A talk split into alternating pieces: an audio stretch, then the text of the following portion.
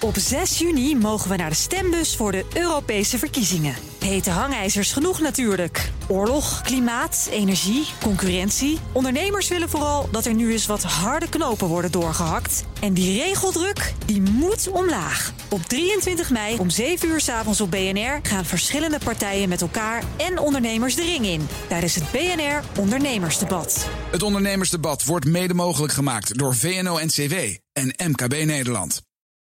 Chinese aandelen kregen de hardste klappen toen de handelsoorlog verder dreigde te escaleren. Of daar nu een deal dichterbij komt dan ook de grootste kansen liggen, dat bespreken we in het beleggerspanel. Deze week bestaat uit, uit Meri Pieterse-Bloem, hoofdobligatiebeleggingen bij ABN AMRO en bijzonder hoogleraar financiële markten aan de Erasmus School of Economics.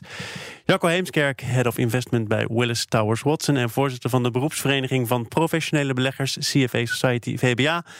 En de dame met de kortste aankondiging. Martine Wolzak, journalist bij het Financiële Dagblad. Welkom. Dankjewel. Alexander Jankovic, mijn zakenpartner, is er ook nog altijd. En gelukkig maar.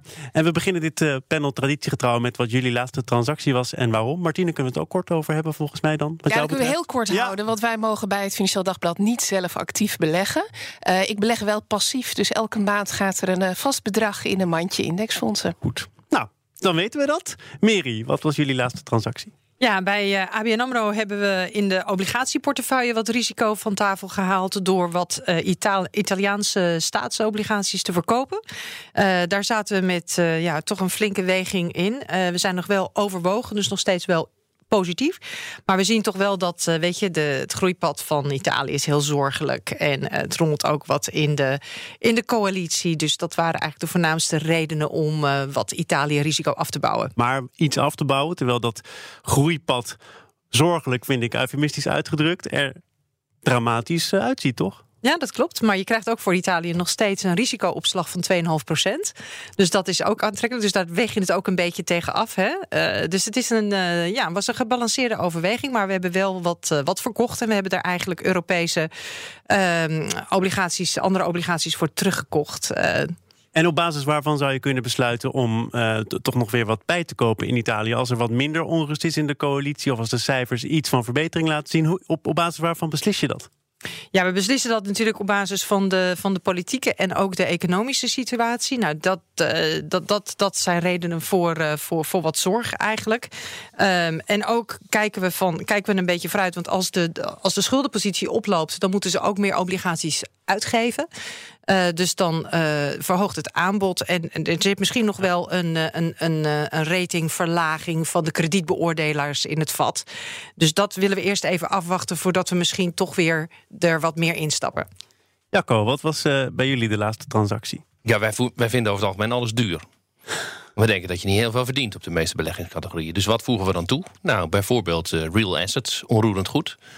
Um, en als voorbeeld de steden die gaan profiteren van de brexit. En daar hebben wij voor klanten echt wel oplossingen. En welke steden zijn dat? Want nou, de buit in Amsterdam, heb ik volgens mij ook nog in het FD gelezen... is uh, beperkt op dit moment. Ja, dus voor onze euro-investors kijken we toch naar eurogebieden. Dus uh, Ierland, Dublin, uh, Amsterdam, Frankfurt, Toch ook nog Parijs. Amsterdam, hoort er wel bij. Ja. Goed. Ja. Dus dat, en ja, nu we over de brexit al iets dan uh, bespreken met elkaar. Dat kan nog uh, twee jaar duren, begrijp ik. Als het een beetje tegen zit of mee zit. Betekent dat ook dat jullie dat dan in de gaten moeten blijven houden? Ja, dat betekent dat. Nou, we gaan uh, naar iets wat we ook al langere tijd in de gaten houden, namelijk de spanningen tussen China en de Verenigde Staten. Nou zijn er berichten over een aankomende handelsdeal. Die worden wat hardnekkiger. Eind deze maand wordt er, als de laatste uh, obstructies uit de weg zijn, mogelijk een deal ondertekend. Meldt onder andere Bloomberg. Ook Wall Street Journal heeft er iets over gezegd. Op basis van, daar zijn ze, anonieme bronnen. Uh, Martine, maakt dat ook meteen onbetrouwbaar wat we hier dan over gaan zeggen? Die, die handelsdeal die nou, de, zit te ik, komen? Ik zal de Wall Street Journal niet snel van betichten dat ze niet betrouwbaar zijn. Maar uh, wat natuurlijk wel opvallend is, dat we al een paar weken voortdurend horen dat ze er bijna uit zijn. En overigens ook leuk om te zien dat dan iedere keer de koersen weer stijgen. Ik denk van nou, ik zou zeggen, hou het nog een paar weken vol met dat roepen dat ze er bijna uit zijn. Wie weet maak je dan nog een leuk ritje omhoog. Um, nee, er wordt wel gezegd dat ze echt substantieel vooruitgang geboekt hebben. En dat hoor je van, nou ja, in zoveel in die internationale media, van zoveel kanten nu bevestigd. Dat ik denk dat je daar wel vanuit mag gaan. Maar je hoort ook meteen dan weer de kwalificatie erbij dat er nog heel veel hordes genomen moeten worden. En vandaag nou, in China is het, ik weet nooit wie het precies moet noemen, het congres, het duizenden Chinese parlementariërs in ieder geval bijeen. Nou, is dat een formele applausmachine, maar toch is het ook wel een beetje de vraag: kan, kan Xi aan die achterban verkopen dat hij concessies doet aan Amerika? En andersom heeft Trump ook hardliners in zijn, uh, in zijn nek hijgen. Die willen dat hij er nog veel harder in gaat dan dat hij nu al doet. Dus ze hebben allebei politieke risico's thuis te managen. Um, Ik zie heeft ook uh, nog uh, een groei te managen die achterblijft bij wat hij eerder dacht. Ja. nu een bandbreedte tussen de 6 en de 6,5 procent. Ja, nou, ik weet niet hoe de anderen hierover denken. Met de Chinese groeicijfers vind ik zelf altijd wel bijzonder. Ze zijn ook zo mooi afgerond altijd. Hè? 6,5, ja, maar daarom is er nu voor het eerst de mogelijkheid om daarvan af te wijken, al was het maar met een half procent. Ja, nee, dus dat, dat is in principe wel opmerkelijk dat ze het bijstellen. En je ziet ook dat daar flink op gereageerd wordt. Maar wat nou werkelijk de groei daar is, ja, dat is zo ontzettend moeilijk om daar je vinger achter te krijgen. Ik denk ook onderdeel van diezelfde aankondiging van hetzelfde congres was natuurlijk eh, de belastingverlaging die ze gaan eh, doorvoeren. Dat is nog weer bovenop alle andere stimuleringsmaatregelen die we hebben gezien. En dat gaat, uh, ja, dat is ook de verwachting in de markt. Natuurlijk wel die, die, die Chinese groei wil een impuls geven. En dat is denk ik ook het, het optimisme waar beleggers dan op, op in, inspelen. Ja, is er sprake van, van optimisme? Want ik geef toe, het is een half jaar geleden, maar ik kwam nog een rapport tegen van JP Morgan. Waarin werd gezegd dat veel beleggers met Chinese aandelen zich bekocht voelen. Er is al jaren sprake van een economische boom, maar in aandelen zie je dat toch niet helemaal terug. Nou, ik denk dat die, die opleving nu, die is dus uh, die is eigenlijk aangedreven door uh, meerdere factoren. Dus die, uh, het vooruitzicht op die, dat, die handelsovereenkomst. Maar ook bijvoorbeeld dat de Chinese aandelen zijn opgenomen in de MSCI-index. Heel belangrijk. Dat was vorige, vorige week donderdag is dat besloten. Wat betekent dat? Want dat is inderdaad een belangrijke stap. Ja, ja die MSCI-index die worden over de hele wereld gevolgd door, door beleggers. Um, en het aandeel van, van China in de index voor opkomende landen gaat omhoog van 5 naar 20 procent. Het betekent dus heel concreet dat ik met mijn mandje indexfondsen ja. plotseling veel meer in China ga beleggen dan dat ik deed. Zonder dat ik daar zelf een actief besluit overneem. En zo stroomt er dus plotseling een hoop meer geld uh, richting, richting China. Het is bijzonder dat China wat dat betreft natuurlijk eigenlijk moeilijk investeerbaar was. Want het is zo'n groot land. Dat is 15% van het wereld uh, GDP. Ja. Het is 15% eh, van de marktkapitalisatie in de wereld. En toch was het echt maar een snippertje wat uh, beleggers in hun portefeuilles hadden. Dus Waarom dat, duurt het zo lang? Nou, omdat de Chinese overheid die kapitaalmarkten heel lang gesloten hield. Ja. En controle daarover wilde houden. En dat nu stapje bij stapje uh, heeft geopend. Hè. Ja, gaat dat wel zo stapje voor stapje en dan geleidelijk naar meer openheid toe? Want tegelijkertijd zie je ook dat China probeert ook wel op bepaalde bedrijven de grip weer te verstevigen. Ja, en dat is ook mogelijk een van de risico's in, uh, in zo'n land als China. Hè? Dus, eh, Hoe moet je daar nou mee omgaan? Want die overheid is nooit ver weg. Ook niet in bedrijven, ook niet in banken. Nee, nou, realistisch, zoals je daar in andere landen eigenlijk ook mee omgaat. China is wat dat betreft niet uniek. Dus je moet je realiseren als je in China investeert dat er ook risico's aan kleven. Bijvoorbeeld individuele bedrijven. De governance van een individueel bedrijf die is wellicht anders dan dat wij zouden eisen. Dus eh, beleggers die de mond vol hebben over ESG zullen zich heel goed notie moeten nemen van wat er gebeurt in die bedrijven. Ja. Snap je dat het er ook nog enige terughoudendheid is? Want we hebben het in dit panel vaker gehad over Chinese aandelen. En er werd er ook door de panelleden vaak gezegd: ja, we zien die kansen wel, we zien de mogelijkheden wel, maar we weten eigenlijk niet goed genoeg waar we dan in investeren. We willen meer weten van die bedrijven dan wat we nu kunnen achterhalen. Dus zoeken we het liever wat dichter bij huis.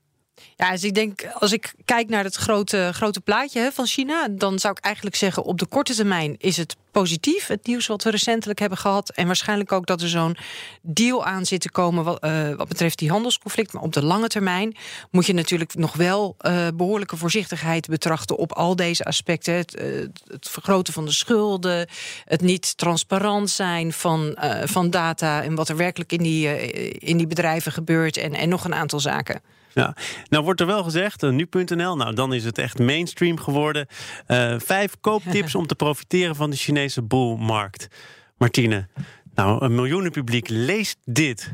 Uh, lopen al die miljoenen dan achter de feiten aan? Of is dit inderdaad nog een goed moment om nou eens ja, uh, te gaan shoppen gezegd, in Het in is niet heel makkelijk om te beleggen in Chinese aandelen. Dus ik denk de, eh, het risico dat eh, Nederlandse particulieren nu massaal in individuele Chinese fondsen gaan beleggen niet super groot is. Dus wat dat betreft vind ik zo'n tiplijstje voor Chinese aandelen dan ook wel bijzonder. Ik denk wel, welk publiek ben je hiermee aan het bedienen?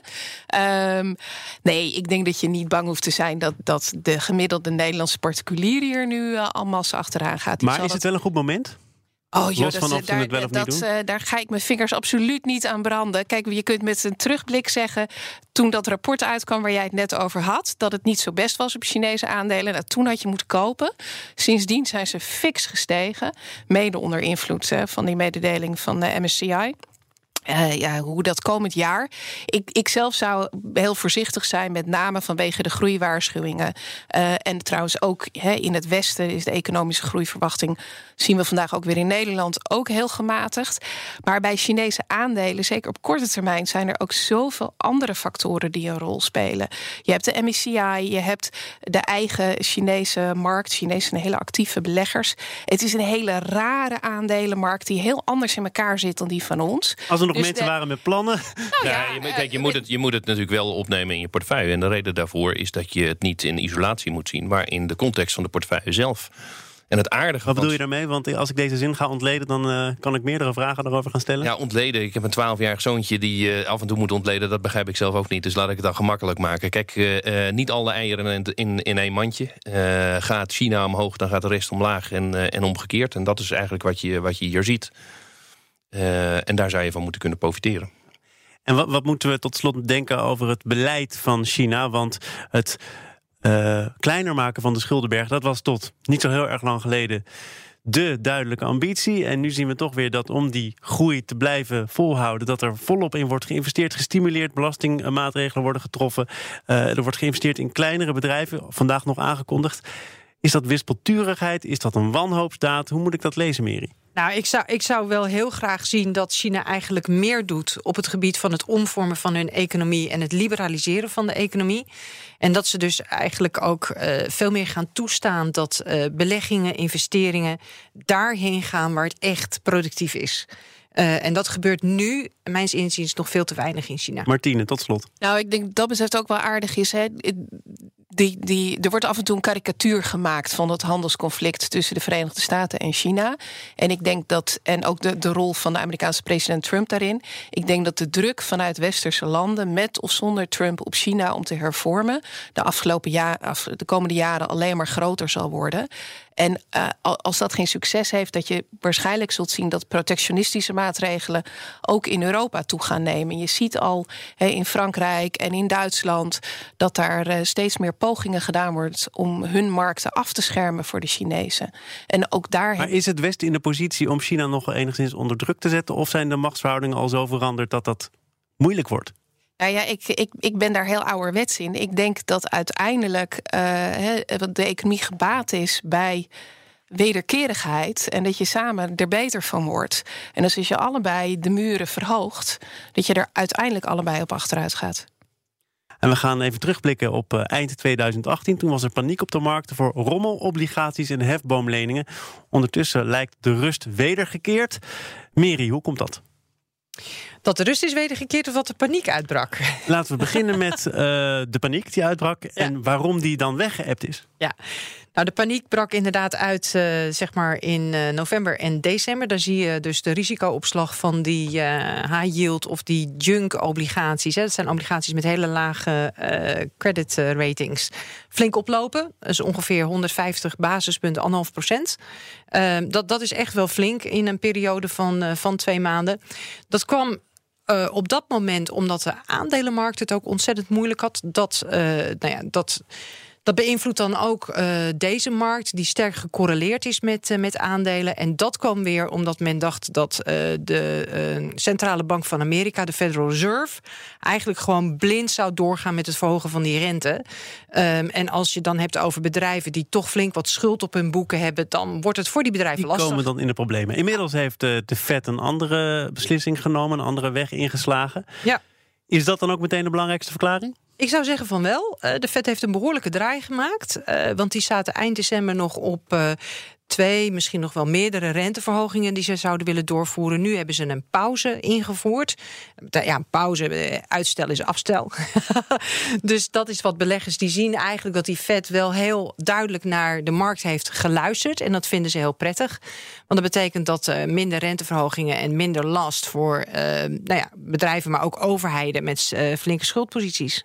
Ik zie hier toch ook wel enig opportunisme in vanuit de markt. Hè. Dus je hebt de high yield bondmarkt, dat is één.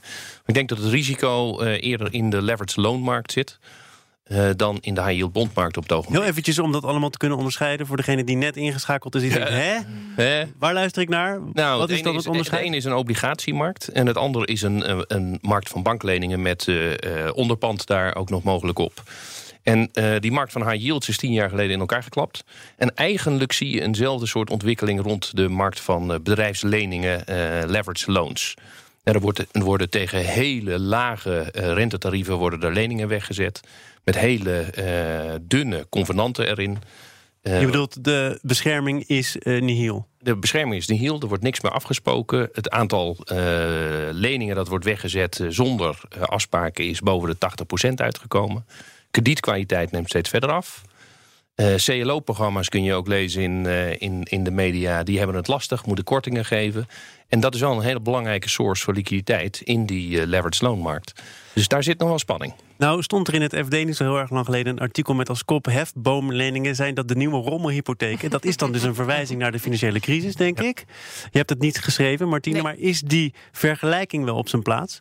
Nou, die vergelijking maken we natuurlijk allemaal heel erg uh, snel. Overigens heb ik altijd geleerd van als er in een kop een vraagteken staat, is het antwoord altijd nee. uh, want anders, Gaan we dan, allemaal anders de krant anders lezen. Dan, dan, kop je altijd wel gewoon op okay. dat is zo. Um, nou, ik denk dat het wel illustreert dat er zorgen oplopen. En dat is ook wat je vanuit mensen die in de markt actief zijn de hele tijd terugkrijgt. Ja, heel veel institutionele partijen zijn op zoek naar rendement. Hebben de afgelopen jaren gekozen voor meer risicovolle categorieën om in te beleggen, waaronder deze beleggingen. Uh, en nu de groeivertraging eraan komt, ja, uh, beginnen mensen daar toch wel een beetje zenuwachtig over te worden. Want wat zijn de gevolgen? Die bescherming is er dus niet of nauwelijks. Dat nou, betekent dat als, als er het faillissement is, dan heb je dus minder uh, verhaalmogelijkheden dan wanneer die convenanten degelijk in elkaar zitten.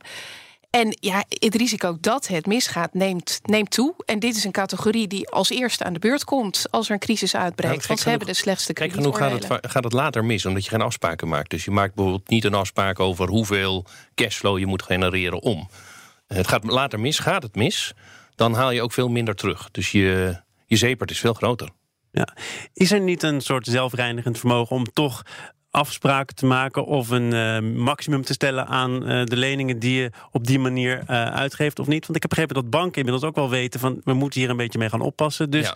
we stellen daar toch een limiet aan, Miri. Nou, het zelfreinigend vermogen zit dan in dit geval in de obligatiemarkt zelf. Dus dat beleggers dat onderscheid gaan maken en dan eigenlijk een hogere risicoopslag vragen voor dat, soort, voor dat soort obligaties of leningen.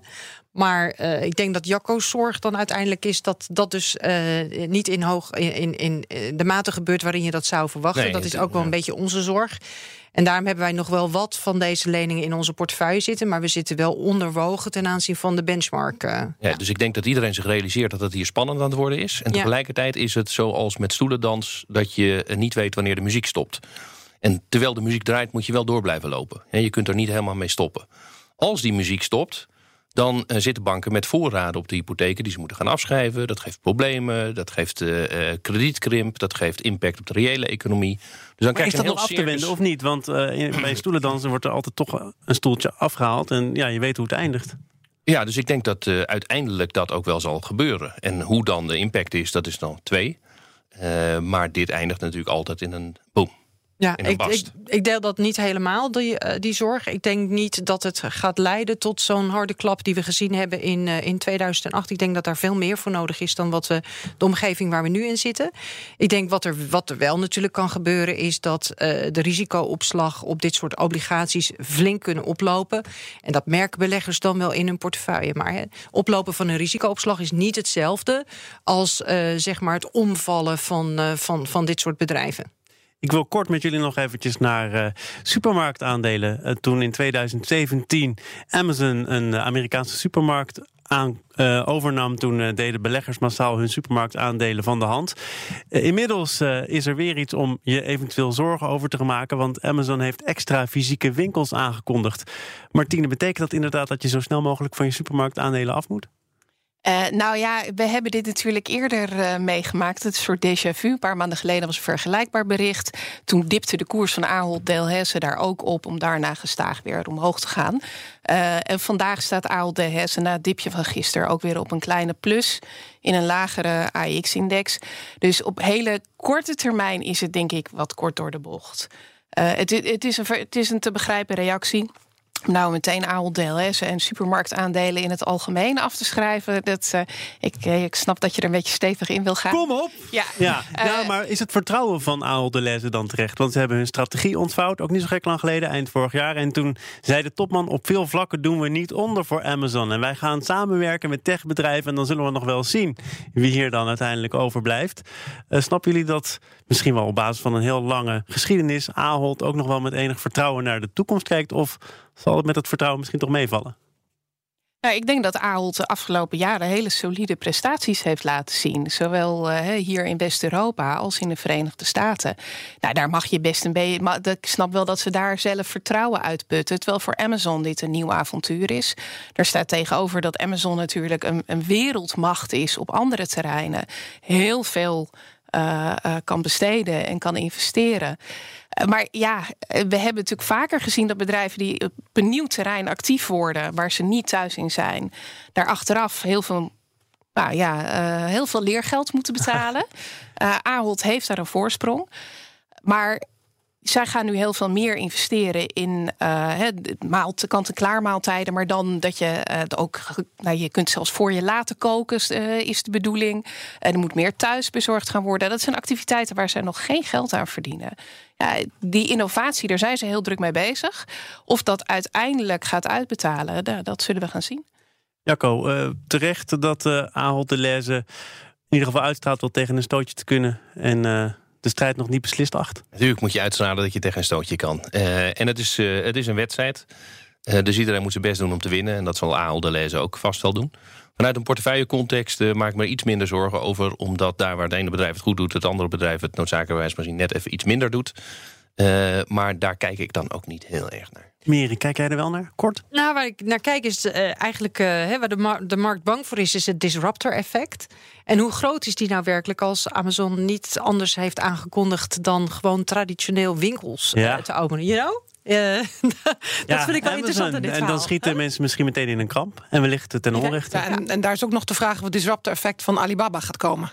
Dus uh, kan van verschillende hoeken komen. En de vraag is wel of de huidige supermarktketens snel genoeg meegaan. Het kwam in dit panel ook van verschillende hoeken. En dat komt omdat jullie er allemaal waren. Martino Wolzak, Meri Pietersen-Bloem en Jacco Heemskerk. En uiteraard ook mijn zakenpartner Alexandra Jankovic. Dank voor jullie komst.